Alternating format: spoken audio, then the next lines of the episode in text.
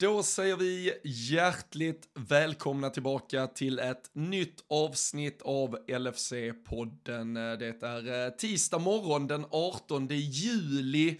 Det är ett sånt där eh, klassiskt eh, avsnitt där man sitter med kaffekoppen och eh, njuter. Vi, vi ska se om Daniel Forsell har det lika bra alldeles strax. Men vi börjar väl med att säga att vi som vanligt gör avsnittet tillsammans med LFC.se och så här i sommartider så är det fan eh, jävligt gött att eh, ha den lättillgänglig. Bara eh, fippla upp mobilen, gå in på lfc.se och se vad det är som händer där ute.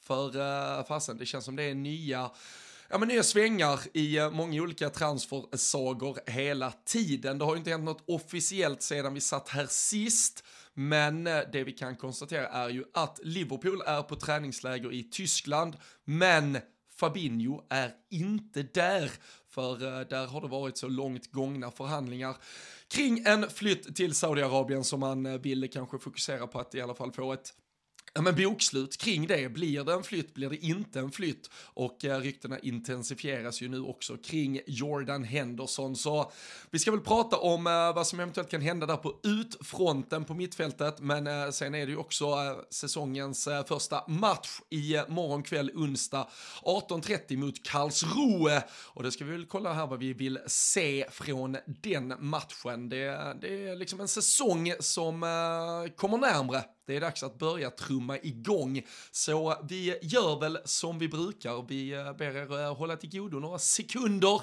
medan vi lyssnar på gingen. Sätt er till rätta och så sparkar vi igång ett nytt avsnitt av LFC-podden.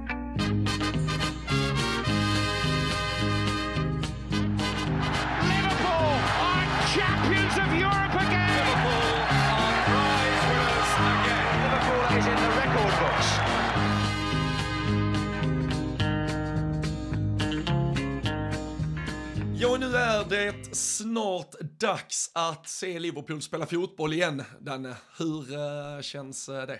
Nej men det, det, är väl gött tycker jag. Nu eh, är ju det vad det är som man får säga om en sån här match. Men det brukar ju alltid vara rätt kul att se se starterna av eh, träningsmatcherna med för att eh, vad fasen det ska ändå någonstans eh, formas lite och eh, ja vad har vi eh, egentligen? Blir det tre fan det här var lika svårt förra året tre och en halv vecka eller någonting va tills vi eh, vi sätter igång. Fan att jag inte det skulle jag ju kollat upp här innan men ja det är ju i alla fall ett, ett lite mindre än en månad kvar tills Premier League fotbollen ska igång. Så vi vi har väl en eh, 5-6 träningsmatcher här som ska, ska avhandlas och att börja i Tyskland det känns ju som ett, äh, men det känns som ett eh, kvalitetstecken faktiskt. Det, Karlsruhe borta är väl äh, inte, inte en match man inte ser fram emot, eller vad säger du? Nej, nej, nej, nej, det blir ju uh, totalt uh, magiskt att, att se oss sparka igång där. Det är ju som sagt fem träningsmatcher planerade och officiellt inbokade just nu så brukar det alltid spelas några suspekta matcher bakom lyckta dörrar också. Men uh, Karlsruhe här onsdag kväll, sen är det Greuter Fürth på, på måndag.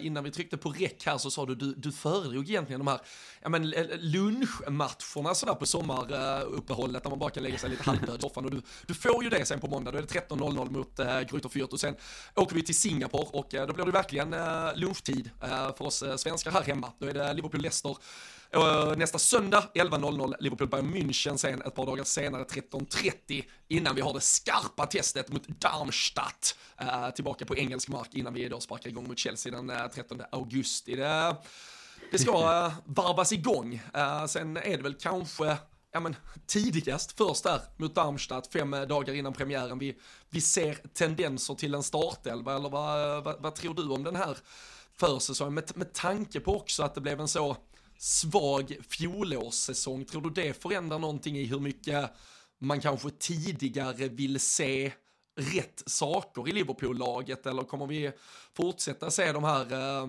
ja men i stort sett bara tidsbestämda bytena och eh, total villervalla i 11 spelare in, 11 spelare ut eh, de eh, första veckorna här. Ja men jag, det tror jag det kommer vara i alla fall eh, här nu i, i Tyskland där Både som du sa eh, Karlsruhe och Greuther Fürth där de, de två matcherna tror jag definitivt kommer vara rotera och det kommer spelas eh, ungdomar och det kommer spelas här eh, 20 minuter på någon och, och liksom eh, 11, 11 gubbar byts ut i halvtid och sådär. Men sen, alltså framförallt kanske de här, det är två ganska täta matcher där i, i Singapore, både Leicester och Bayern där. De de kanske man börjar se lite mer tendenser i och sen brukar väl liksom genrepet där en vecka innan ändå eh, börja innebära mer att man ser eh, kanske lite mer mot vilken startelva vi kommer gå. Men sen, sen har det ju varit så under de sista åren tycker jag att det verkar så extremt eh, uträknat och utportionerat med liksom du får inte spela en minut över vad din eh, ditt eh, fysschema säger ungefär. Så att det, det är inte alltid man kan läsa ut så mycket av det. Men däremot just det här att vi närmar oss nog en 11 mer och mer ju närmare vi kommer. Sen är det ju nästan alltid antingen efter Darmstadt eller om det kommer vara däremellan Bayern och den matchen som eh, som det säkert kommer någon liten match mot Aston Villa eller Brighton eller någonting eh, Bakom stängda dörrar också känns det som. För eh, det, det, brukar ju vara det när det närmar sig. Och sen Sen är det ju en jävla säsongspremiär vi har liksom. Och den eh, ska vi inte gå i, i Ja vad ska man säga förtid nu och börja prata om redan här. Men man känner ju när man tittar på schemat att man, man är sugen på en ny säsong. Det blir blir jäkligt gött att de kommer igång och spelar lite igen. Och det har ju varit kul sista veckan nu när det liksom har kablats ut ja, med bilder igen, träningar och, och och allt möjligt så här. Så att nu eh, känns det väl också som att eh, vissa saker kommer behöva sätta sig lite vad gäller eh, övergångar. Du nämnde Fabinho och Henderson i introt här. Jag menar nu Klopp, Klopp älskar ju inte liksom när det, när det sker eh, 12 augusti dagen innan eh, Chelsea direkt Utan det känns som att det kommer behöva hända lite grejer här kommande Typ veckan eller i alla fall två veckorna och sen, sen får man nog nästan räkna med att det inte blir Att det inte blir så mycket mer om det inte blir liksom några panikåtgärder i slutet om man säger så då Nej, för där, alltså nu, nu, nu är vi ju i en situation där om det faktiskt är så att eh, både Fabinho och eh, Jordan Henderson alltså, tvingar fram, det är alltid uh, kanske att uh, ta, ta, ta, lite, ta lite sida i, i hur man uh, tycker att uh, spelare eller klubb hanterar det. Det är nog inte ett Liverpool som är helt uh, oävna för att göra, göra business när det pratas om nästan en halv miljard för Fabinho och så vidare heller, men det du är inne på där med att vi nog i alla fall måste ha saker och ting klara ganska snart känns ju mer akut när det gäller just de här två spelarna. För skulle vi sälja både Fabinho och Henderson och inte ganska omgående ha gjort klart med en ganska etablerad defensiv inom mittfältare, då är det ju ganska svårt att se faktiskt hur vi formerar det där mittfältet när vi närmar oss premiär. Så den mm. känns ju som att, ja men det är en puck som måste, och kanske det också som då har gjort att man tog beslutet att faktiskt låta Fabinho inte ens följa med. Att man, att man känner att det där måste vi tvinga fram en lösning på snarast, även om det skulle vara till och med att det tackas nej, att det inte blir fall, men då har i alla fall saker och ting rätts ut och det löst sig och så kan vi återgå, men att vi inte kan låta bollen bara vara upp och och sväva allt för länge vad gäller de här, eh, ja men, så pass viktig roll i, i det här laget. Och det är ju, alltså med de här två spelarna så pratar vi ju, ja men det är ju så många hundratals matcher under, under Klopps ledning som skulle försvinna ja, på, på en och samma vecka i stort sett. Så, så det känns ju som att här måste vi ju ta beslut väldigt snart i vad som händer. Ja, men jag tror också att det ligger någonting i det du säger det här med att eh att han inte åker med för att eh, oavsett hur nära det är liksom så är det mer för att okej okay, vi behöver göra klart den här eh, det, Antingen behöver vi göra klart dealen nu eller vi behöver i alla fall få klarhet i om han kommer vara kvar eller inte och att man då vill snabba på processen genom att eh, ja men inte hålla på och liksom inkludera honom till, till Tyskland och så vidare utan skulle det bli så att han han kan ansluta senare om det inte blir någonting. Ja, men då, då eh, har vi ju våran, våran sexa där liksom. Men eh, precis som du är inne på annars krävs det ju ett, eh, ett ganska gediget jobb. För det är, inte, det är inte heller så att det har legat några... Det är inte så att vi har, eller i alla fall ryktesvägen. Nu vet man ju aldrig vad som vad som pågår såklart men det känns ju inte som att det sitter någon och riktigt väntar på att krita på så här om utifall att, att Fabinho försvinner så så sätter vi signen här med dig liksom utan eh, då, då är det ju också en så pass viktig pusselbit och så, som eh, Klopp också har tyckt i hela sitt eh, system liksom som, som ska till. Och ja då, då känns det lite osäkert att vi skulle vilja vänta för länge. Och med, med Henderson dessutom då på lite så här halv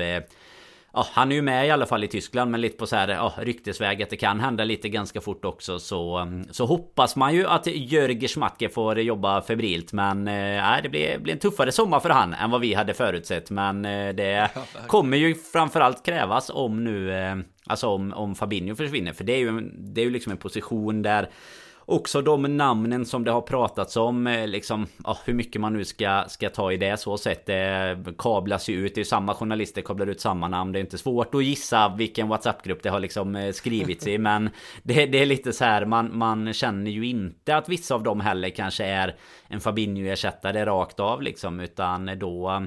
Det, det är ju en så pass viktig position och pusselbit i vårt lagbygge tycker jag. För att man bara ska kunna sälja Fabinho och vara nöjd med det utan att ersätta. För sen själva försäljningen av honom tycker jag egentligen är ganska självklar. Alltså vi har ju pratat mycket om Henderson innan men som någon tweet man sprang förbi här när någon skrev liksom okej okay, vi, vi köpte honom för typ samma pengar Fick hans bästa år, vi vann allt och så säljer vi honom för samma pengar Alltså jag menar det är ju Det, det är bra business får man ju säga men eh, det blir ju Lika väl som att det är bra business så kan det bli väldigt riskabelt om man inte ser till att ersätta honom med något som är ja, men förhoppningsvis då minst lika bra eh, eller som i alla fall kan bli det på eh, ganska kort tid. För att eh, det, det, det riskerar ju också liksom att det tappar lite mycket på det där mittfältet om vi bygger om. Alltså vi har ju verkligen velat ha mittfältsvärvningar, det kan man inte sticka under stol med. Men att göra en liksom total rebuild där alla försvinner och eh, alla kommer in så att säga. Det, det är ju lite halvriskabelt också kan jag tycka. Där Fabinho liksom någonstans i, i våra ögon tror jag var ganska, alltså gemensamt sett härifrån, ändå en pusselbit som skulle finnas kvar i laget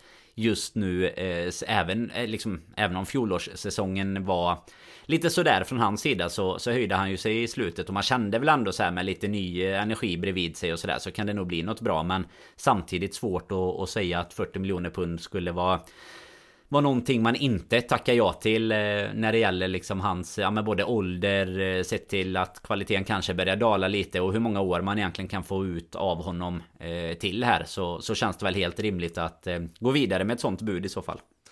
Nej men det, och det, det håller jag ju med dig fullständigt kring och eh, det, det, som du är inne på den här, den, den ekonomiska kalkylen där vi, där vi köper för ett pris, eh, säljer för ungefär samma och eh, däremellan fick ut optimalt och fick en fotbollsspelare som, som till stunder var, ja men kanske ibland till och med hela världens bästa defensiva ankare och, och under flera säsonger höll en otrolig nivå och han var med i det Liverpool-laget som, som var bäst i världen och som vann allting så, så är det ju någonstans en no-brainer att, att göra affären.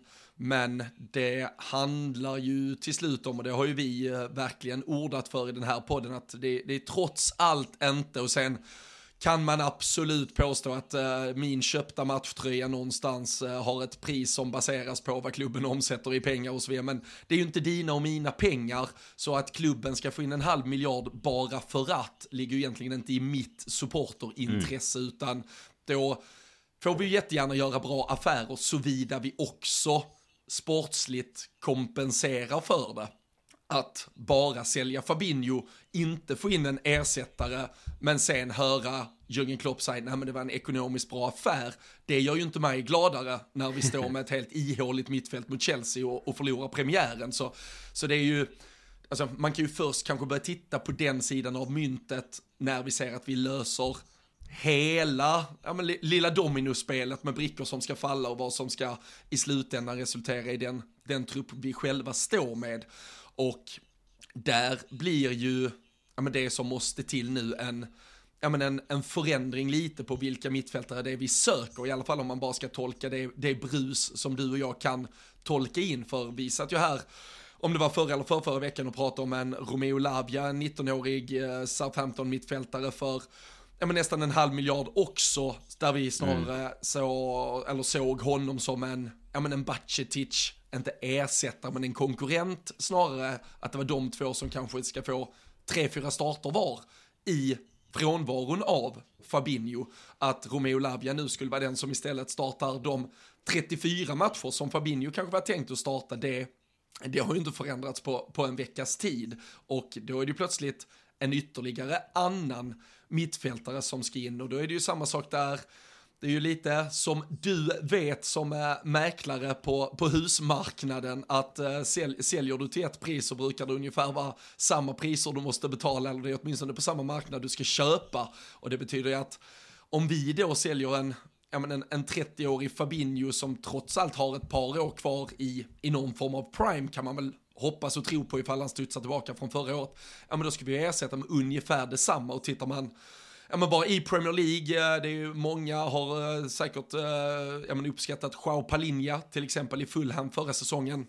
Där pratar vi trots allt om en 28-årig mittfältare, han är bara två år yngre än Fabinho och kommer nog kosta ja, men minst samma, kanske mer. Det ryktas att West Ham ska ha fått ett bud avslaget på honom nu efter att de sålde Declan Rice på drygt också halvmiljarden. Det pratas om en Ja, men, om man bara tittar där på vilka West Ham la, äh, jagar som Declan Rice ersättare så är Leon Goretzka från Bayern München till, det är ju inte like for like ersättare men det är den typen av spel och då, då ska du ändå upp med en halv miljard minst till för en ganska då, inte ålderstig men etablerad spelare så det det handlar ju väldigt mycket om hur vi ersätter innan man kan göra bokslut för huruvida det är så bra affär som, som jag är helt med på att den där tweeten mm. som du refererar till ändå understryker att det är. Men det är ju ersättaren som ska in innan man kan ja, men helt uh, köpa in sig på hur smart business det eventuellt har varit av Liverpool.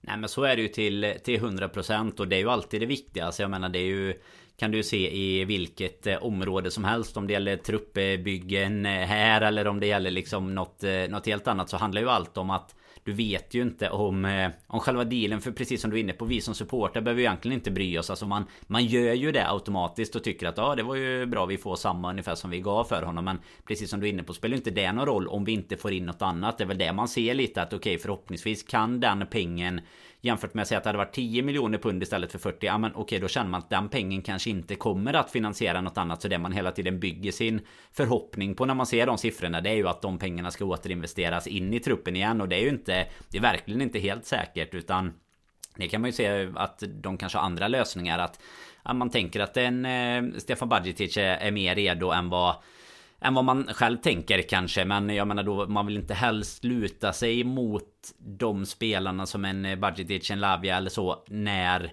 Alltså i, i det läget utan att säga att de inte hade klarat av det så är det i det läget vi ändå på den nivån som vi vill vara så krävs det ju också en, eh, en viss rutin och inte bara kanske ett helt nykomponerat eh, mittfält så sett heller utan man, man får väl se lite till vad som eventuellt kan hända men nej det återstår ju att se. Det är väl ett eh, tecken eh, så gott som något i alla fall att han eh, Att han inte åkte med på att man vill Att man vill få ett ganska snabbt Ja men ja eller nej om man säger så då. Sen Sen vet jag inte alltså nu har det ju inte ryktat så mycket till Liverpool det sista. Det var ju mer i Ja men för ett halvår sedan egentligen. Nu är väl mer Chelsea på hans tröja nu men en En Caicedo till exempel vet vad han Vad ryktas det om för priser det till Chelsea? Mi, nu ju de Miljarden ungefär 80 miljoner pund Ja, och nu är det ju Chelsea, Chelsea-priser såklart Men de priserna får väl Liverpool också. Och numera West Ham också när man vet att de har fått in en, en liten kassakista liksom. Och, och så är det väl i Premier League överlag att eh, du kommer ju inte komma ifrån att det finns ju inga det finns ju inga enkla billiga värvningar att göra riktigt om du vill eh,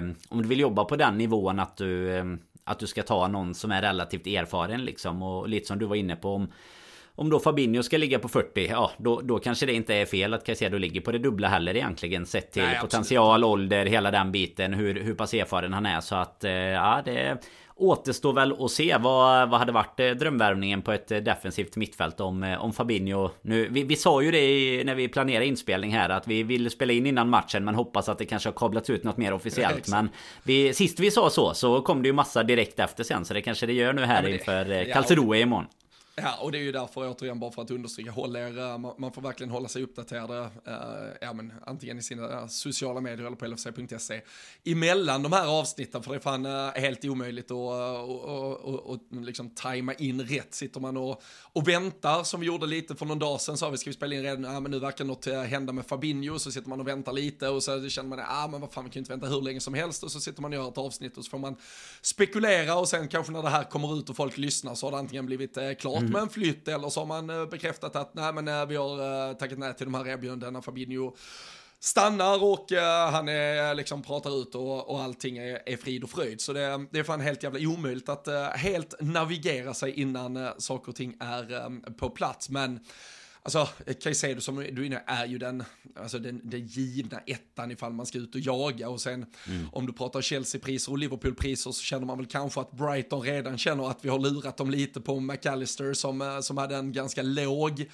utköpsklausul till slut och, ehm, och en spelare som de nog hade velat ta mer betalt för än vad de lyckades eh, ta till slut och eh, i ett Brighton som då har tappat McAllister som, äh, som förra året hade en Levi Colwill på lån från Chelsea som vi har pratat om i den här podden hur, hur viktig han var. De, de känner väl att de kommer nog tappa Caicedo också men det är en, ja, men det är en rak centrallinje egentligen till det som byggde ett otroligt Brighton-lag förra året där man i så fall måste säkra sig, alltså, ja men funds för att kunna återinvestera och göra någonting. Så Caicedo kommer bli dyr och de verkar ju vara beredda att sätta sätta hårt mot hårt. Och sen äh, verkar väl Caicedo däremot också väldigt tydlig med att han vill lämna och hela hans ja men entourage runt honom verkar väl eh, driva på den där affären ganska hårt också för att han ska få lämna. Och det var Ja, men det var också en, en reflektion jag gjorde kring att, alltså det, det är ju alltid, Alltså, nu sitter man sådär, ah, hoppas Caicedo driver på för en flytt och sådär, men sen sitter man och hatar på spelare som driver på för att flytta från sitt eget lag. Vi,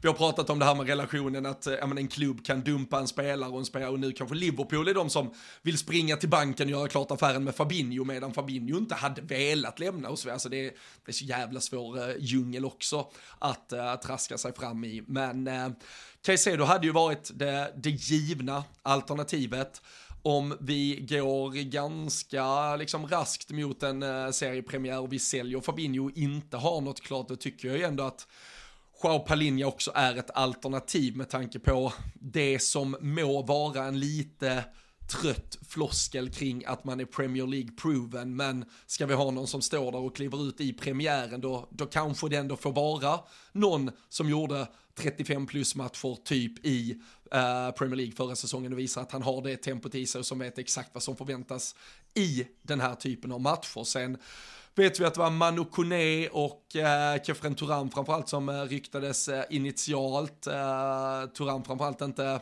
på så sätt någon tydlig sexa, men jag hade väl gärna sett att man kanske ja, men, gick tillbaka till, till det intresset. Jag har ju suttit här och predikat kring hur, hur bra jag tror han hade kunnat bli ett Liverpool-lag. Och eh, ja, men det var någon som frågade att, ja, är det, är det Fabinho och Henderson out, det, vilket ryktas kunna bli runt en, en 50 miljoner pund, så, så kanske man ändå får räkna med att om vi ja, putta på lite extra på toppen där och, och lägga 70-80 så skulle det väl kunna ge typ en Kefren Turam och en Palinja och då tycker jag ju att vi har gjort en ja, men en mittfältsombyggnation av, eh, av högsta snitt. Sen, eh, sen vet jag att det finns ja, YouTube-scouter ute på sociala medier mm. som hittar eh, klart många fler eh, olika 19 och 20-åringar i eh, både portugisiska andra ligor och Brasilien som eh, de ser som Fabinho-ersättare. Men med all respekt för hur bra den typ av spelare säkert kan bli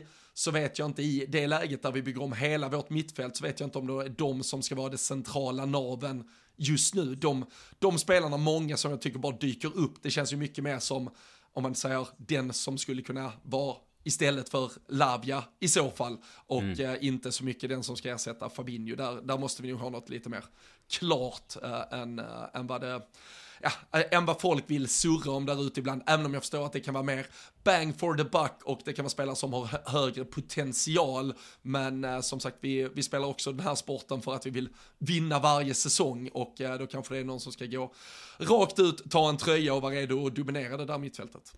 Ja men lite det jag var inne på när vi till och med snackade om, om Elavia. Liksom att jag tycker inte att med den Alltså det hade funkat att kanske göra så på den nivån vi var eh, Liksom eh, ja runt eh, Ja nu tänkte jag säga runt 2000 Då gick vi och tog trippen sen året efter. Men alltså just eh, Ja du, du förstår vad jag menar när vi liksom harvade för att kämpa oss om en eh, Om en topp 4 placering Och visst nu kom vi inte topp 4 förra säsongen Men det är ju inte där vi vill vara Utan vi vill ju vara eh, snäppet över det. Och då är det ju hela tiden det. Då behöver man ha spelare som Som är på den yttersta nivån hela tiden. Då liksom inte råd Lite som det kanske var förra säsongen för oss då på grund av diverse skador och, och formdippar och sådär Så har vi liksom inte råd att inte Ja men att inte ligga på topp hela tiden. Och eh, det är väl det som jag också känner att man hellre hade velat ha in då En spelare där man vet att så här, Framförallt kanske på den positionen som Fabinho har Tycker jag det är ännu viktigare att du så här, har en spelare som Som kan göra gnugget lite som du var inne på. Alltså ska du ha en en toppstriker bara för att göra mål till exempel. Ja, men då kan du... Visst, pengarna blir, eh, blir därefter. Men då kan du liksom gå lite mer på andra typer av spelare. Lite mer spännande spelare. Ta en Darwin till exempel när han, när han kom till oss och sådär. Men den, den positionen som är den här lite, lite, defensiva mittfältaren. Där vill du kanske inte ha någon bara på liksom återväxt. Utan det, det känns ju som den positionen i vårt lag där tillsammans med typ eh, en målvakt liksom. Där du vill ha mest ja, med rutin. De vet exakt vad de ska göra. Spela enkelt. De här klassiska grejerna som du lär ut till, till grabbarna redan i, i den åldern du kör liksom så här. Slå hellre bollen i, i sidled liksom än att försöka driv, dribbla en gubbe. Sen är det väl lite det här med, med Klopp också som har varit att han eh, Ibland tar det lite tid, det tar han lite tid på sig att spela in spelare och sen så har du även det faktumet att han Han ibland kan gilla att göra om lite ja, men befintliga spelare till att byta position och sådär. Jag vet inte vad hur, hur mycket ger du för att det skulle vara en eh, liksom Om det nu skulle vara så att eh, Fabinho försvinner här är det, Tror du att det är liksom Tre dagar senare kommer kablas ut en nyhet om att vi har någon klar så att klubben sitter och väntar så nära eller skulle det lika gärna kunna vara en Curtis Jones, en Bacitic, en Thiago kanske som ska skolas om lite defensivare med, alltså, med de matcherna han nu har i benen? Nej, jag vill, jag vill vara tydlig. Alltså jag, jag, jag, såg, jag såg någon diskussion, jag tror det var Redman TV eller någonting där de de diskuterar både då eventuellt att vi tappade Fabinho och Henderson och då, och då pratar de om att Thiago dels kunde vara den, den sexan vi sökte och, och även vara en potentiell lagkapten och då kände jag bara nu, nu brinner hela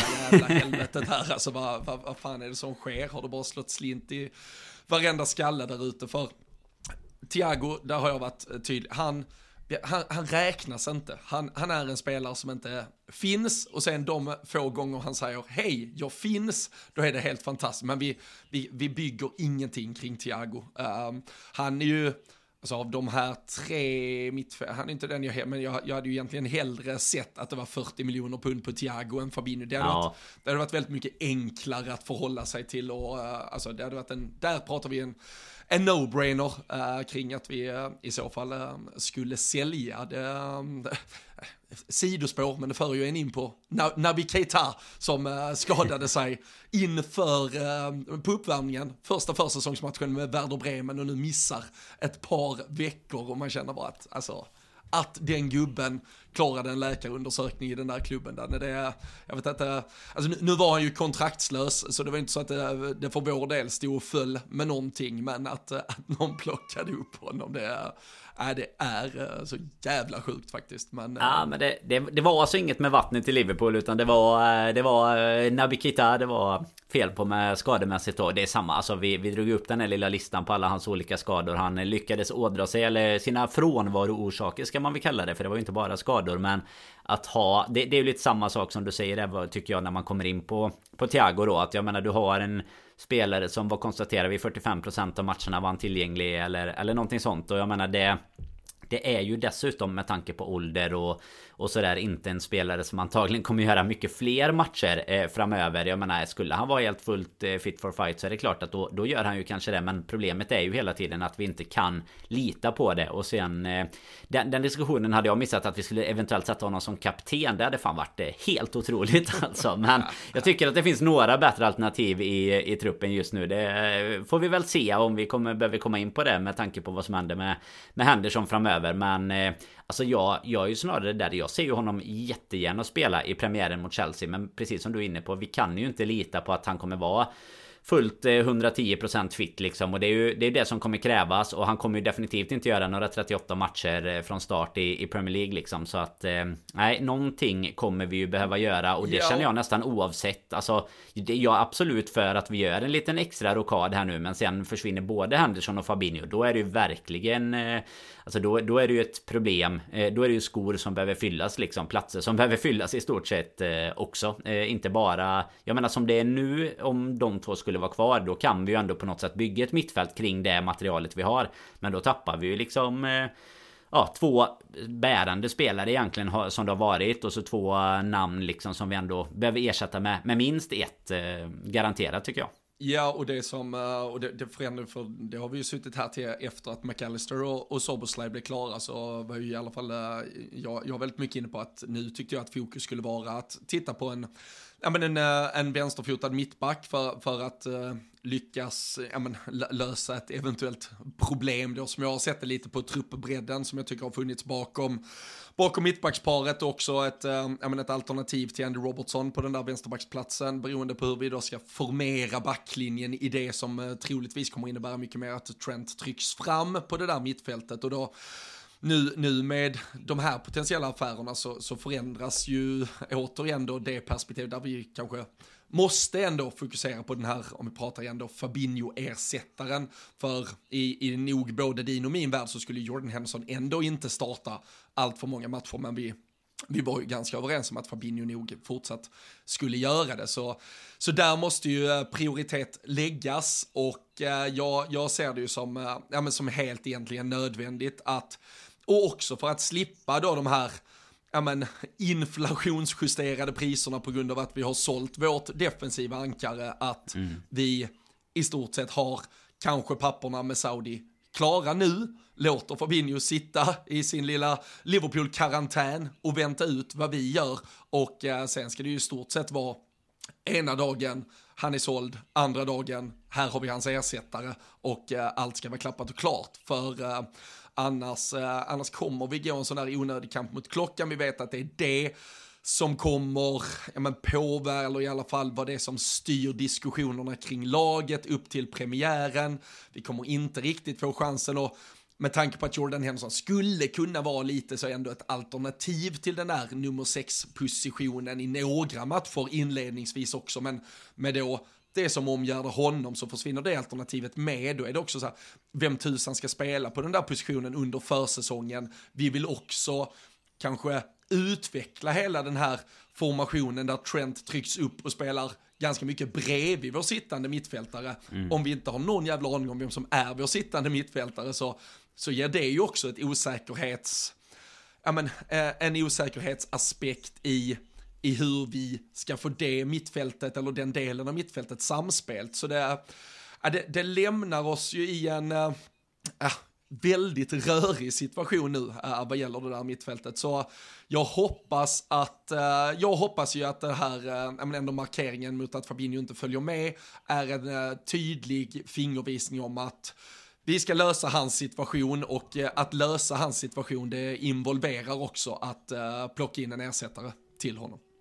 Ja men exakt och det, jag, jag tror också som du är inne på, eller det vi pratade om lite innan, att Klopp vill ju ofta sätta både liksom trupp och lag relativt tidigt. Jag tror ännu mer med tanke på då förra säsongen och vi i samband med detta nu under våren bytte, bytte vårat typ av spelsystem som har varit. Alltså det har ju varit så extremt framgångsrikt under de åren vi har haft Klopp där 4-3-3 och nu när vi byter upp det. Vi använder Trent lite mer som den där inverterade ytterbacken som går in bredvid. Så tror jag också exakt som du är inne på att vi vill ju veta vem det är som ska spela bredvid. Och det behöver vi ju ha klart. Alltså ganska snart. För nu, nu kommer vi ju vilja att när vi, när vi möter Chelsea den 13 augusti. Då vill vi ju att vi ska vara så så gott som klara och redo för säsongen som möjligt. Jag menar nu är ju inte alltid lag där och Chelsea är väl ett eh, jätteexempel på, alltså kanske ännu mer utsatt position än vad, vad vi är såklart efter sin tolfte plats och, och all, alla pengar de la förra säsongen så känner de väl att de verkligen kommer behöva bygga om. Och jag menar då är det ett jättebra tillfälle om vi om vi kan känna oss redo tills dess eh, att, eh, att möta dem i, i premiären egentligen. Och då jag tror också att det är därför Fabinho inte är med. Och jag tror att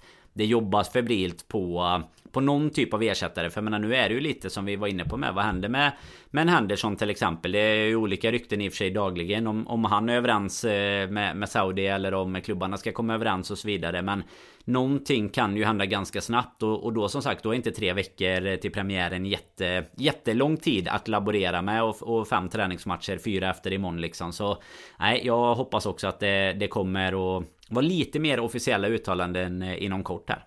Mm. Och äh, ja, men vi, vi får se och vi återkommer såklart äh, kring vad, vad som händer med äh, Fabinho där. Och med Henderson så, så är ju allting lite mer osäkert känns det. Han är ju, han är ju med på den här eh, men samlingen i Tyskland. Eh, samtidigt så är ju uppgifterna där snarare att han har också accepterat eh, budet från, mm. från Saudi men att Liverpool vill ha en övergångssumma. Saudi är lite mer att nej men vi kommer här och bara löser ett problem för er så, så ni behöver väl inte ta så mycket betalt. Och de senaste uppgifterna som visserligen kom från eh, något eh, mer lokalt konto eh, nere i Saudiarabien, men det skulle i alla fall påstå att Henderson ja men nu då, eller hans camp lite är beredda att, ja men låt, alltså Saudi, vi betalar Liverpool, men jag tar någon form av uh, cut på den uh, delen. Alltså jag, jag hjälper till att betala mig ut från det här kontraktet för att sen då kunna tjäna så jävla mycket pengar vecka efter vecka när jag väl kan, är på plats kan vara i värt Saudi. det. Så, uh, ja men precis, och, men, men det, alltså nu, man ska vara försiktig med att tyda och tolka och lägga för mycket in i allt det som sipprar runt där ute. Men eh, vi pratar ju någon form av next level om vi nu vill problematisera Saudiarabien-flyttarna med att våran MLA-kapten eventuellt ska köpa sig loss från ett kontrakt för att han så gärna vill få igenom den här flytten. Och som sagt, vi, vi ska brasklappa att det är jävligt svårt att vara helt säker på vad som är sant och vad som inte är det. Men om vi landar i ett läge där Jordan Henderson aktivt i stort sett har betalat sig bort från Liverpool för att få gå till Saudiarabien, då, då känns det ju som att uh, han svärtar ner uh, väldigt mycket av, uh, av allt det han har byggt upp. Och där har ju dessutom organisationer kopplade till Liverpools uh, jämställdhetsarbete och annat varit ute och kritiskt uh, ifrågasatt vad, vad vår lagkapten faktiskt håller på med. Ja, och mycket av det kommer ju från det som vi pratade om, om det var i, i förra avsnittet eller avsnittet innan, i och med att det har varit eh, rykten ett, eh, ett tag nu. Men eh, vi pratade om en Steven Gerard bland annat som man var, var lite kanske mer eh, förvånad av. Eh, du, du pratade ju lite framförallt kring det, kring hans bakgrund och sådär. Jag menar med Henderson sa vi ju redan då så vore det nästan ännu konstigare med tanke på vilka uttalanden han har gjort eh, sen innan och sådär. Eh, just att man låter sig Alltså jag menar att, att man eh, vill gå dit och, och tjäna de pengarna Det tror jag inte att någon som varken lyssnar eller äh, håller på aktivt med, med sport liksom inte hade velat göra Men man får ju också ta lite i hänsyn till vad man har kanske har sagt och stått för tidigare Och jag tycker väl just i, i Hendersons fall eh, Dels är det ju sjukt att det kommer fram att det är den enda Den enda klubben som tydligen inte ska ha eh, miljarders miljarder Liksom att det är Gerards gubbar där Men det kanske är en förhandlingsteknik såklart Men Henderson har ju, alltså det, det, blir ju någon, lite som du säger, det blir ju att själva pe det personliga varumärket framförallt och allt som han har stått för tidigare. Det blir ju såklart eh, ja, bara cold bullshit på, på alltihopa. Om det till och med skulle vara så att han själv var aktiv i i en övergång. För jag menar sen kan det ju vara så här att han pratar med Klopp och inser att okej okay, det kommer inte bli så mycket speltid. Eller du kommer ha en, en Milner-roll nu om vi ska hänvisa till honom igen. Undrar när vi, när vi kommer lägga av med det Robin och Milner-testerna. Men nej men liksom ta den rollen. Det kanske han inte är intresserad av. Då kanske han hellre känner att nej men då åker jag ner dit, cashar in Liverpool, eh, ja, om han nu bryr sig om det, men blir av med en, en ganska stor lönepost sen även om man inte får in så mycket pengar. Men eh, jag tycker väl också att det är lite så här det, det, säger ju någonting nu om vi har lyft hela Saudi-diskussionen innan och vi har ju, har ju tagit den i ett eh, par avsnitt här men det säger ju också någonting om jämförelsen mot typ ett MLS. Visst, nu, nu har de Messi eh, via Miami då men om, om du tänker MLS eller Kina, de satsningarna de har gjort när, när liksom Saudi går in och kan plocka typ Liverpools lagkapten eller till och med få han att köpa sig loss från sitt kontrakt. Då märker man att då, då är det ju en satsning på en ny nivå och det är ju många namn bara veckovis här mellan våra inspelningar som som känns som att de ansluter eller i alla fall ryktas till. Sen, eh, sen är det väl just hela biten kring att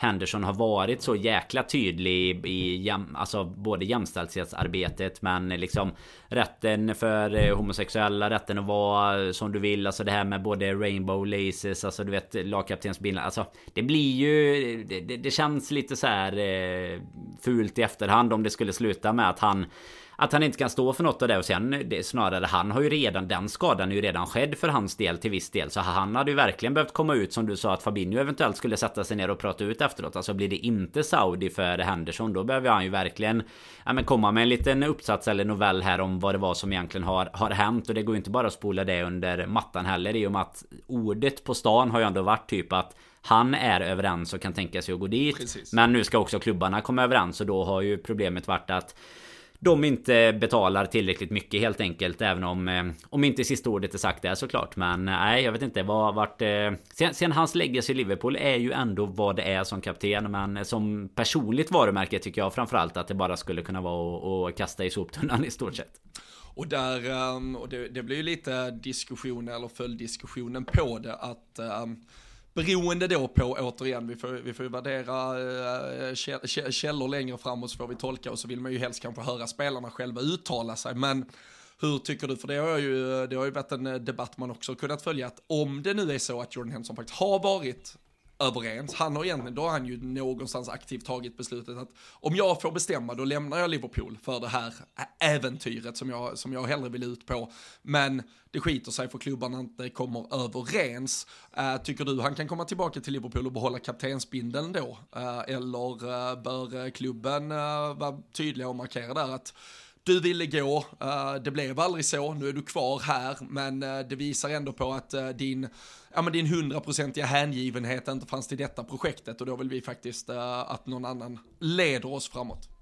Ja men allt det beror väl egentligen på hur situationen har varit. Alltså hur påtryckande har det varit från klubbens sida och inte? Men alltså har det varit att han aktivt vill lämna och klubben inte har varit lika noga med det? Då tycker jag att det är solklart att man Att man kan ta chansen att eh, byta bindel ändå. För att eh, jag tycker ändå att man Om man hamnar i den situationen där Henderson liksom inte kommer vara tilltänkt startspelare Då tycker jag ändå att man behöver då behöver man ändå föra den diskussionen. För du ska ju, jag tycker i alla fall att man ska ha en kapten där intentionen är att du ska starta om inte 38 matcher så i alla fall 35 eh, liksom. Eh, alltså att en ja, en kugge som van Dijk eller en Salah. Alltså den typen av spelare som du vet kommer vara kritade. De som du, de som du vet inte ska roteras bort i ditt fantasylag liksom. Det är de som ska ha kaptensbindeln. Du menar detta... att du inte har Jordan Henderson i din ja, första, kan, ditt första utkast? Kan, kan vara så att han är i draften. Kan vara så. Men det är lite osäkert med Saudi än så länge. Så att eh, annars är han ju given såklart. Nej men alltså där är väl grejen tycker jag. Det, det är dels en faktor. Men sen såklart alltså helt beroende på hur det har varit tillsammans med klubben och vilka diskussioner som har förts.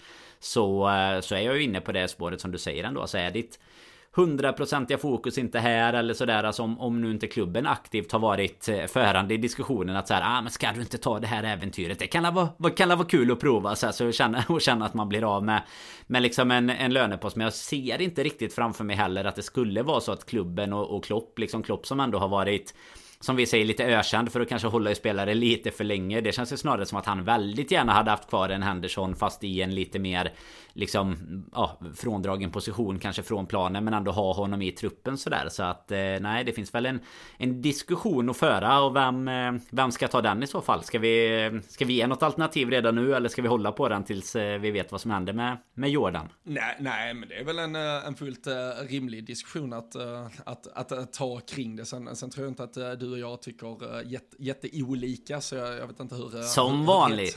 Hur, hur debatten blir men jag Fan, sitter också så här 42 minuter in på, på dagens avsnitt och känner mig lite ledsen nu att vi inte förlängde kontrakt med Nabi och Oxlade och Firmino och alla de här. Fan vad vi hade kunnat sälja dem dyrt till Saudi allihopa. Ja, Vilka faktiskt. jävla pengar det hade kunnat bli.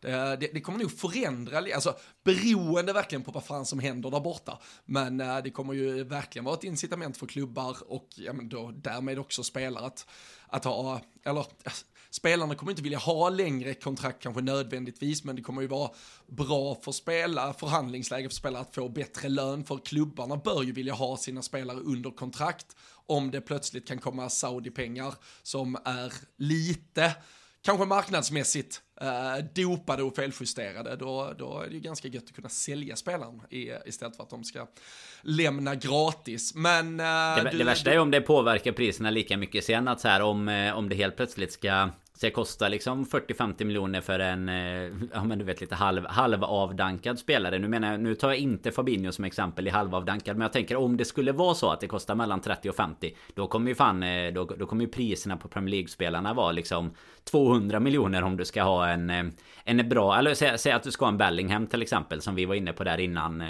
jag menar då, då helt plötsligt ska du kanske vara uppe i en helt annan nivå också. Eh, så det är väl det, är det man får hoppas inte hänger med i alla fall. Sen att man kanske hade kunnat få 50 miljoner för de tre som du nämner trots att de bara hade haft något år kvar eventuellt på kontraktet eller någonting. Det hade ju, det hade ju inte varit helt fel såklart.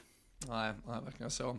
Det var något uttalande från Ronaldo nu här också. Han hade väl stängt någon dörr till att aldrig komma tillbaka och spela fotboll i Europa igen. Vilket är ganska rimligt med tanke på att han är typ 38 bast. men, men, men han sa väl det att det, det, är, det är bara Premier League eh, kvar i Europa. Saudi, Saudi kommer vara eh, tvåa i världen eh, ganska snart och eh, de andra ligorna kommer typ eh, packa ihop. Det, det var en eh, dystopisk uh, fram, även om jag bara konsumerar Premier League så, eh, så är det ju en ganska dystopisk fotbollsvärld där, där vi eventuellt inte har något eh, slagkraftigt eh, Europa kvar eh, i övrigt. Men vi får väl, vi, vi, får se vad som händer. Det, det är fan inte värt att måla fullständigt fan på, på väggen än. Men det är väl som du var inne på, du, du nämnde dem lite i förbifarten, van Dijk, Salah, man, man har sett en del ja, men, eh, debatt eller diskussion för att en eh, Trent redan nu eh, skulle ja, men, göra ungefär det som Steven Gerrard gjorde. Han var ju the scouser in the team, han fick binden ganska tidigt, han fick uh, växa in i den innan han kanske var ja, men, helt hundraprocentig uh, som uh, ett uh, kaptensmaterial. Men var, var, var hade du lämnat över binden? Vi har ju dessutom, ska ju nämnas, en Andy Robertson som, som har vikarierat som, som är lagkapten i det skotska landslaget. har jag förstått rätt så är väl Soboslaj även lagkapten i det ungerska landslaget, men att han går rätt in och tar binden också hade väl varit på gränsen till för magstarkt. Men var, eh, ja, vem, eh, vem hade du eh, bindlat upp och inte då bara i ditt fantasylag? Nej, eh, där, där är det ju kanske ungefär samma gubbar i och för sig som hade haft chansen så. Men, men jag hade väl tyckt att sett ur... Om, om man har... Om man ser i alla fall att man har ett par, tre säsonger kvar av eh, minst eh, en, en Salah eller en van Dijk Så tycker jag väl att de är de första alternativen lite som du lobbar upp där också. Det är väl väldigt enkelt att hamna i den slutsatsen. Men jag tycker också att så här känner man att van Dijk eventuellt eh, börjar och, och liksom ha... Ja, in, inte att man inte ser liksom en jätte jättelång karriär kvar i, i Liverpool-tröjan i alla fall. Då tycker jag att man eh, faktiskt kan ha ett sånt alternativ som till exempel Trent. Alltså Trent är väl no, något sorts eh, hjärtalternativ där man känner att det hade ju varit... Det hade varit jävligt coolt. Han gör ju i stort sett samma positionsresa som Steven Gerrard också. Nerifrån högerbacken och upp på lite mittfält och sådär. Men... Jag vet inte om jag egentligen tycker att han ska gå före de andra. Alltså det känns ju inte om man, om man ser till vilka som liksom eh, ja, lead by example och, och liksom vilka som är de stora rösterna. Då tycker jag ju snarare att kanske en van Dijk känns Känns som etta men Salah tätt eh, bredvid sig egentligen. Sen eh, ska man ju också veta vad som händer i omklädningsrum och sådär. Det känns ju inte Trent riktigt lika framme än. Men det kan ju också vara ett sånt steg som eh, eller en sån grej som gör att man tar steget. Sen hade man ju inte, inte hatat att se den ett par år på, på en Allison heller. Liksom bara lagets eh, farsa liksom som eh, sköter allt och alla och eh, liksom både styr eh, omklädningsrum, grill och, och, lag med bravur helt enkelt. Eh, men eh, jag vet inte, vem, eh, vem skulle du lägga pengarna på i detta läget? Ja, men jag, jag hade väl framförallt, jag, jag hade strukit Trent direkt. Jag ser, jag ser inga egentliga ledaregenskaper uh, i, i honom. Uh, än, än, så länge i alla fall. Uh, Nej sen, men man tycker, sen, tittar du på planen är det ju mer liksom det gnället nästan på han känns det som. Än, ja, än det är liksom framåt. och mm. ja, men, fuskar lite i, i lite hemjobb och sådär. Och sen, liksom, jag, jag är ju verkligen den som har stått längst fram på barrikaden för att jag är, jag är lite okej okay med det eftersom jag vet vad man får ut av honom offensivt. Men det Däremot så kan man väl då tycka att eh, som, som lagkapten så, så, så rimmar det inte lika snyggt att, eh, att ha den auran kanske som, eh, som han har. Och sen så, så känner väl jag också att, alltså där har jag ju lite samma med van Dijk om jag egentligen ska vara helt att jag, jag, jag tycker ju han egentligen ja men ibland är, ja men han är som bäst när han själv är riktigt bra. Alltså det, jag förstår att det är fullt uh, givet att uh, det är så, men jag tycker han ibland också kan bli lite deppig när han mm. inte känner att laget är skitbra och uh, på ett sätt som, som kanske inte alltid är helt upplyftande. Sen, sen vet jag att han har kaptenat det där holländska landslaget och det, det ska gudarna veta att det är ett landslag fyllt med individer man måste hantera och uh, att det har eh, funnits uh, lång historia av polemik i de där omklädningsrummet och han verkar ju vara, vara omtyckt av, av väldigt många så, så han hade säkert hanterat det perfekt. Men jag är ju så svag för Mohamed Salah som jag är och, och jag tycker att han, ehm, han är den som någonstans utan bindel ändå har lett det här Liverpool-laget på planen eh, hela tiden. Det var ju också kring Jordan Henson så har det varit den här diskussionen kring att ja, men han är ju ändå den som sätter standarden och då har jag ju lite ifrågasatt vad, vad är det för jävla standard han sätter? Är det alltså att han står och gormar på, på träningsplanen? För det, det tror jag inte det här Liverpool-laget behöver. Jag, jag tror de behöver någon som ja, men som är beredd att ta bollen vid sina fötter och göra skillnad när det behövs. Som, som är den som verkligen piskar på uh, i uh, både, både gym och på träningsplan och som genom sina insatser uh, visar vägen. Så jag hade faktiskt uh, tyckt, och jag tror också det hade kunnat Alltså, och där, där har vi ju verkligen understrukit att Mohamed Salah kanske är den som alltid har kommit undan med godkänt och, och mer därtill för vi vet vilken jävla nivå han är på. Men jag tror det kanske hade kunnat eh, pusha honom till eh, två, tre säsonger till med, med, ja, men, ja, men med minst lika bra och kanske till och med bättre insatser där, eh, där han får det erkännandet och det skulle också ja, men någonstans cementera honom som kanske, som verkligen en av de största i Liverpool-historien. Och det, det tycker jag han är, är värd. Så uh, jag, jag hade gett den till Mohamed Salah, uh, även om jag förstår att det nog är uh, lite mer kontra, att, att välja den, om säger, flärdige yttern eller anfallaren kontra den uh, men, rocksolida eh, mittbacken där bak. Och eh, Allison är jag ju också otroligt svag för men eh, det är nästan så att det känns som att hans tid kommer, han kan ju hinna två, tre år han också. Uh, men uh, nej, jag hade gett den till Salah. Uh, han, är, han är min gubbe där. Mitt stora bekymmer med alla de egentligen där som, som jag var inne på lite Det är ju just det här att man Frågan är ju hur långt du vill bygga på din kapten Typ lite som du säger Kan, kan det hjälpa Salah att liksom eh, Ja men Pusha det ytterligare för, eh, för ett par år och jag menar tittar man på på kroppen så såg man ju inte ut sån som 31-åring. Det är svagt att konstatera att man är äldre. Den skäggväxten har man ju definitivt aldrig haft heller. Men eh, det, det, kroppsmässigt ser det ut som att han kan fortsätta ett tag till. Och jag menar tittar man på vissa av toppspelarna idag som verkligen har skött sig så, så bra. Titta på en Ronaldo och sådär. Det är klart du har ju en nivå. Alltså kan han ha ha tre, fyra säsonger till i sig så tycker jag också att det då, då kan det ju vara mer av en no-brainer liksom när du känner att du kan få ut det också. Det är mer att man, det man inte vill hamna i på något sätt är väl det här att okej okay, då har du har du en kapten här i ett år och sen ska han eh, ner till Saudi och, och varva ner eller något. Nu tror jag kanske inte det om, om en Mohamed Salah just nu i alla fall. Men eh, alltså att det inte blir ett... Eh, ja, man vill ju att det ska betyda så jävla mycket den här kaptensbindeln. Och nu uppenbarligen om man försöker köpa sig ut ur ett kontrakt om det nu skulle vara så, så kanske den inte gör det. Men ja, man vill ju liksom att det ska byggas på någonting hela tiden. Och så har det ju mycket varit eh, under de... Eh, Ja, men under våra, våra supporter då liksom ända från eh, när det har varit eh, Hyppie till Gerard under lång tid där och sen vidare till Henderson och det har byggts vidare på något nytt så, så ville man ju inte att han ska hoppa för mycket även om eh, om det också är svårt såklart. Det är ett truppbygge som börjar och komma lite till åren så är det ju svårt att se också att det skulle vara någon Det finns ju liksom ingen utöver möjligen då Trent eh, sett till, till ålder och, och hur mycket de spelar och sånt som man känner skulle kunna kunna gå in och ta den istället heller. Utan de alternativen vi har lobbat upp här är väl de, de givna i så fall. Och eh, nej, att, eh, att sätta den på Salla hade ju inte varit fel. Kan, han, eh, kan det hjälpa honom precis som i fantasyn och dubbla sin skörd också så, eh, så hade det varit riktigt fint alltså. Kan man, kan man få 50 mål på det så, så är det taget även om det bara är för en säsong.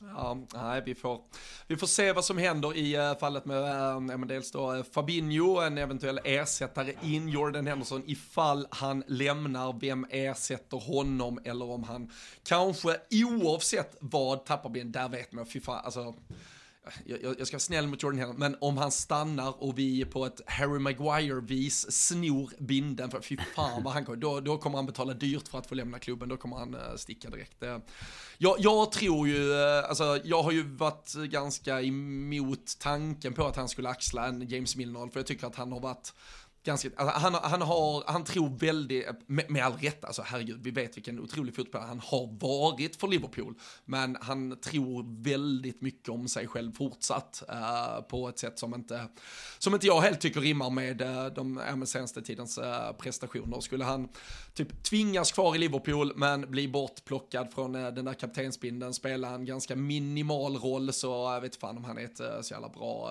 ja men så, så jävla bra att ha i det där omklädningsrummet. Då, då tror jag man kan glömma allt med att uh, sätta standard. Jag, jag har svårt att säga att han uh, accepterar och trivs uh, i den rollen. Då, um, jag, jag, tror det bästa är att om han verkligen vill bort och om det är att han driver på den här affären som han gör så, så hitta en lösning och så uh, hitta, hitta såklart en ersättare också. Men uh, jag tror det är bättre för alla. Vi får se vem som står som lagkapten när vi premiärspelar mot Chelsea om uh, som sagt lite drygt fyra veckor. Vem som gör det mot Greuter Fürth, det vet fan ingen Danne, för där har vi ingen aning om vad fan det blir för en elva. Men Förutom att vi kommer se kanske något nyförvärv, vi kommer se ett gäng kids, är det något spelmässigt, man vill säga det är väl att se lite oavsett då med eh, Trent eller vem som spelar till höger, om vi uh, ja, men, utvecklar spelidén är väl eventuellt det man kan få någon uh, fingervisning om de här första träningsmatcherna. Ja men det känns som att det är det som är mest spännande med att, att bänka sig här. Eh, ja till att börja med då imorgon kväll och sen måndag runt, eh, runt lunch där så Så är det väl lite mer för att se hur vi kommer att sätta spelet och sätta formationen. För det däremot jämfört med vilka spelare som kommer att vara på positionerna Det tror jag kommer, Alltså det kommer vi vilja göra tidigt och Då är det väl Vissa spelare, alltså nyförvärven till exempel Kanske man vill få in eh, i det Man vill få in, ja men vidareutveckla Trents position på något sätt Lite som du är inne på där eh, just med att och få in honom och, och vanan för alla andra som spelar omkring honom i, eh, i spelet. Och sen blir det ju lite intressant att se vilka roller Alltså längre fram nu då egentligen. Nu, nu är väl inte ens de tillbaka. Jag såg att Anthony Gordon var tillbaka efter typ fem dagars vila i, i Newcastle Men Jones och Elliot är väl inte i Tyskland i alla fall Men det blir intressant att se den typen av spelare och vilka roller de sen kommer ta Alltså vidare framåt. Och hur, hur, stora roller är egentligen planen att de ska få eh, nu då? Så att eh, sen Kommer man ju inte kunna läsa ut så mycket av det men är det någon eh, Är det någon oh, jag vet ju att du hatar den här frågan Men är det någon av ungdomsspelarna som du är lite extra taggad på inför, liga, inför ligacupsäsongen? Noll, noll procent taggad på att se dem vem, ja. vem var det? Var det Doke som eh, det kom ut något klipp som Robertson hyllade så extremt i, bara efter någon en passning på på träning. Jag vet inte om du såg det, men det, det kom nej, ut något så här att han han var så ja. jävla bara his, eh, Robertson is his biggest fan och han ropade typ bara att han gjorde en bra passning på på träningen. Ja, och, så här, och, det, och det, det, kommer ju tillbaka till det vi lite har eh, nuddat ett par gånger redan i, i, i det här att Alltså det är klart jag är jätteglad för att vi fostrar talanger och de, eh, de kommer ha sina minuter i ligacupen och de kommer göra något inhopp här och där. Och det var, det var klart det var häftigt i vintras när man såg Ben Doke eh, fladdra in som en virvelvind och visa vilken eh, speed han har under fötterna. Men han är ju ingen spelare som ska spela 30 plus matcher i ett titelutmanande Liverpool-lag just nu i alla fall. Så som sagt, det, det, är jättekul att se dem lite här och där, men jag, jag exalteras noll av spelare som inte här och nu kan påverka hur fan det går för, för, för Liverpool under säsongen. Så eh, det, det, det, det, är alltid kul att se dem involverade i detta, men eh, när det väl är dags så är jag ja, måttligt intresserad. Alltså, att, att se Soboslay och McAllister eh, alltså, trumfar alla de här eh, junisarna, eh, 100%. Det, det, det, är inget som, eh, som engagerar mig allt för mycket. Så, um, Nej, det är ju också, det är också dags för dig att börja scouta här nu för, för fantasylaget. För nu har vi ju, vi kanske inte kör ja, några resultat, ingen, ingen resultattävling mot Karlsruhe eller ens mot Greuther Fürth. Men, men däremot så, så kan man ju gå in på Patreon och vara med i våran fantasytävling. Den har vi öppnat portarna för nu och vi kör ju till och med nu blir det ju då ja, 12-13 dagar här till som vi har eh, även en utlottning av en t-shirt istället för att köra resultattävling då. Man, man ansluter sig här till ligan eh, innan juli är slut tror jag att det var jag körde ut här. Så att vi drar väl det första augusti här sen och i samband med någon, någon podd med får vi ut någon vinnare. Så att nu, nu behöver man fan inte ens vara bra. Nu kanske du har chansen Robin här på en tävling. Eh, behöver man inte ens vara bra på att ta ut laget. Du behöver bara vara med. På en knapp. Ja, ibland, ibland, räcker det, ibland räcker det faktiskt att, att delta. Det är ju det som är så jävla gött. Man behöver inte vinna lite som... Eh, ja, på tal om det väl... Nu, nu får man väl vinna just Gotia Cup. Men på tal om ungdomsfotbollen som jag refererade dig till där innan. Så skönt att man bara kan få delta och ändå ha chansen att, att vara med och vinna. Sen tänkte jag på en annan grej som vi måste ta här innan. Vi har ju snart klockat timmen. Men vet ju att du har varit borta lite och kom på det nu här det sista faktiskt. Men har du sett... Eh, har du sett vad som har hänt med Ricky Lambert eller? Veckans viktigaste Liverpool-koppling. Ja, jag fick det som du, som du antyder så jag var iväg över helgen. Det är också därför ifall man har tyckt att jag är lite raspig på rösten. Jag, jag avslutar lördags uh, natt med att stå och uh, skandera till Sweet Caroline på en uh, karaokebar i Budapest. Det, Helt det, rimligt. Det sitter, sitter, fortfarande lite i sviterna och um, så jag har ett par dagars uh, lite halvdimma från Budapest. Men jag, jag fick till mig uh, men, klippet på, på Ricky Lambert, men jag, jag, jag missade, du får, du får utveckla, men var det Qanon-grejer och, och skit eller vad fan var det han var igång med? Det var lite ja, alla möjliga exakt. konspirationsteorier. Ja, framförallt kan vi ju sammanfatta det i att det är ju väldigt, eh, väldigt eh, konspirationsteorier på hög nivå liksom på, på foliehattsnivå liksom. Det var nästan på att man undrar om det om det var en liten aluminiumfolie under, eh, under håret där. Jag vet fasen, jag tänkte man skulle dratt upp. Nu är, har vi inte jättelång tid kvar här i, i hängmattan för lyssnarna tänkte jag. Men eh, man, eh, man kan gå hela, hela vägen tillbaka till hela hans karriär och allt vad det var innan han liksom hamnade i Liverpool och sådär också. Nu känns det som han tar liksom bakvägen tillbaka här och, och lite alltså det, det kom ju, det var väl för ett, ja det var under helgen här kanske som det verkligen blossade upp lite klipp där han liksom sitter ja, och men ja, men har otroligt, ja man får väl, man, man, man ska vara försiktig med att säga vad man tycker och alla får tycka vad de vill men otroligt märkliga åsikter tror jag vi kan vara överens om i den här podden i alla fall. Det det som är skönt med kan, att, att sitta här och bestämma. Då liksom, från, från en Southampton-anfallare till en annan har hängt lite för mycket med Matt Letizier eh, under, ja. Eh, under sommaren. Det är ju också en, eh, en jävla gubbe det med, med tankar och eh, tyckande. Ja, så vill man komma tillbaka till lite Ricky Lambert-kopplingar så kan man ju söka på honom på Twitter. I alla fall hittar man de klippen snabbt. Om man nu inte vill ha klippen där han eventuellt skallar in någon boll för, för Liverpool istället. Det är ju ja, några år sedan han det, gjorde det. Men det, det finns han nog kan... fler klipp på när han har uh, märkliga åsikter. Ja, han kan också ha skallat. Kan ha skallat lite för många bollar i sin eh, karriär är ju, är ju känslan här just nu. Det är ju, eh, man, man börjar ju bli orolig för nickstarka spelare när man, ja. när man ser det här. Eller i alla fall som ska vara nickstarka. Ricky, Ricky Ticky uh, Lambert. Um, uh, ja men kika in det. så, så får ni, jag vet inte. Få inga idéer kan ska, vi säga. Nej, få inga idéer. Jag vet inte om man ska skratta eller gråta heller. Så vi, vi låter väl det vara osagt. Men gå som sagt in på patreon.com slash LFC-podden. Där har vi lagt uppslaget kring fantasyligan som då är igång. Det är ju liksom öppet. Man kan börja ta ut sitt lag, sitta, sitta vid ritbordet och planera och eh, vill man då vara med i våra eh, men, eh, tävlingar med prisbord inför kommande säsong, då är det där man går igenom. Och precis som du sa där, anmäler man sig nu här de kommande veckorna så är man dessutom med i utlottningen av lite extra priser från Samdots också. Så gör det, sprid gospeln att LFC-podden rullar på hela sommaren, prenumerera på den i era poddspelare så får ni upp avsnitten direkt vi spelar in dem, för det, det görs ju med lite, ja men varierande mellanrum här och eh, lite då lagom styrt utifrån vad som händer. Eh, kan ju nog bli, såvida ingen eh, ja, men ny transferbomb briserar så, så blir det kanske måndagsavsnitt efter Greuter Fürth. Det var ju en mm. lunchmatch där så kanske det blir en måndag eftermiddag och så plockar vi ner då två matcher och de intrycken från det som har varit. Men Följ oss överallt, eh, sociala medier också hittar ni oss på LFC-podden så eh, missar ni ingenting. Men eh, nu säger vi tack för att ni har lyssnat och så hörs vi snart igen.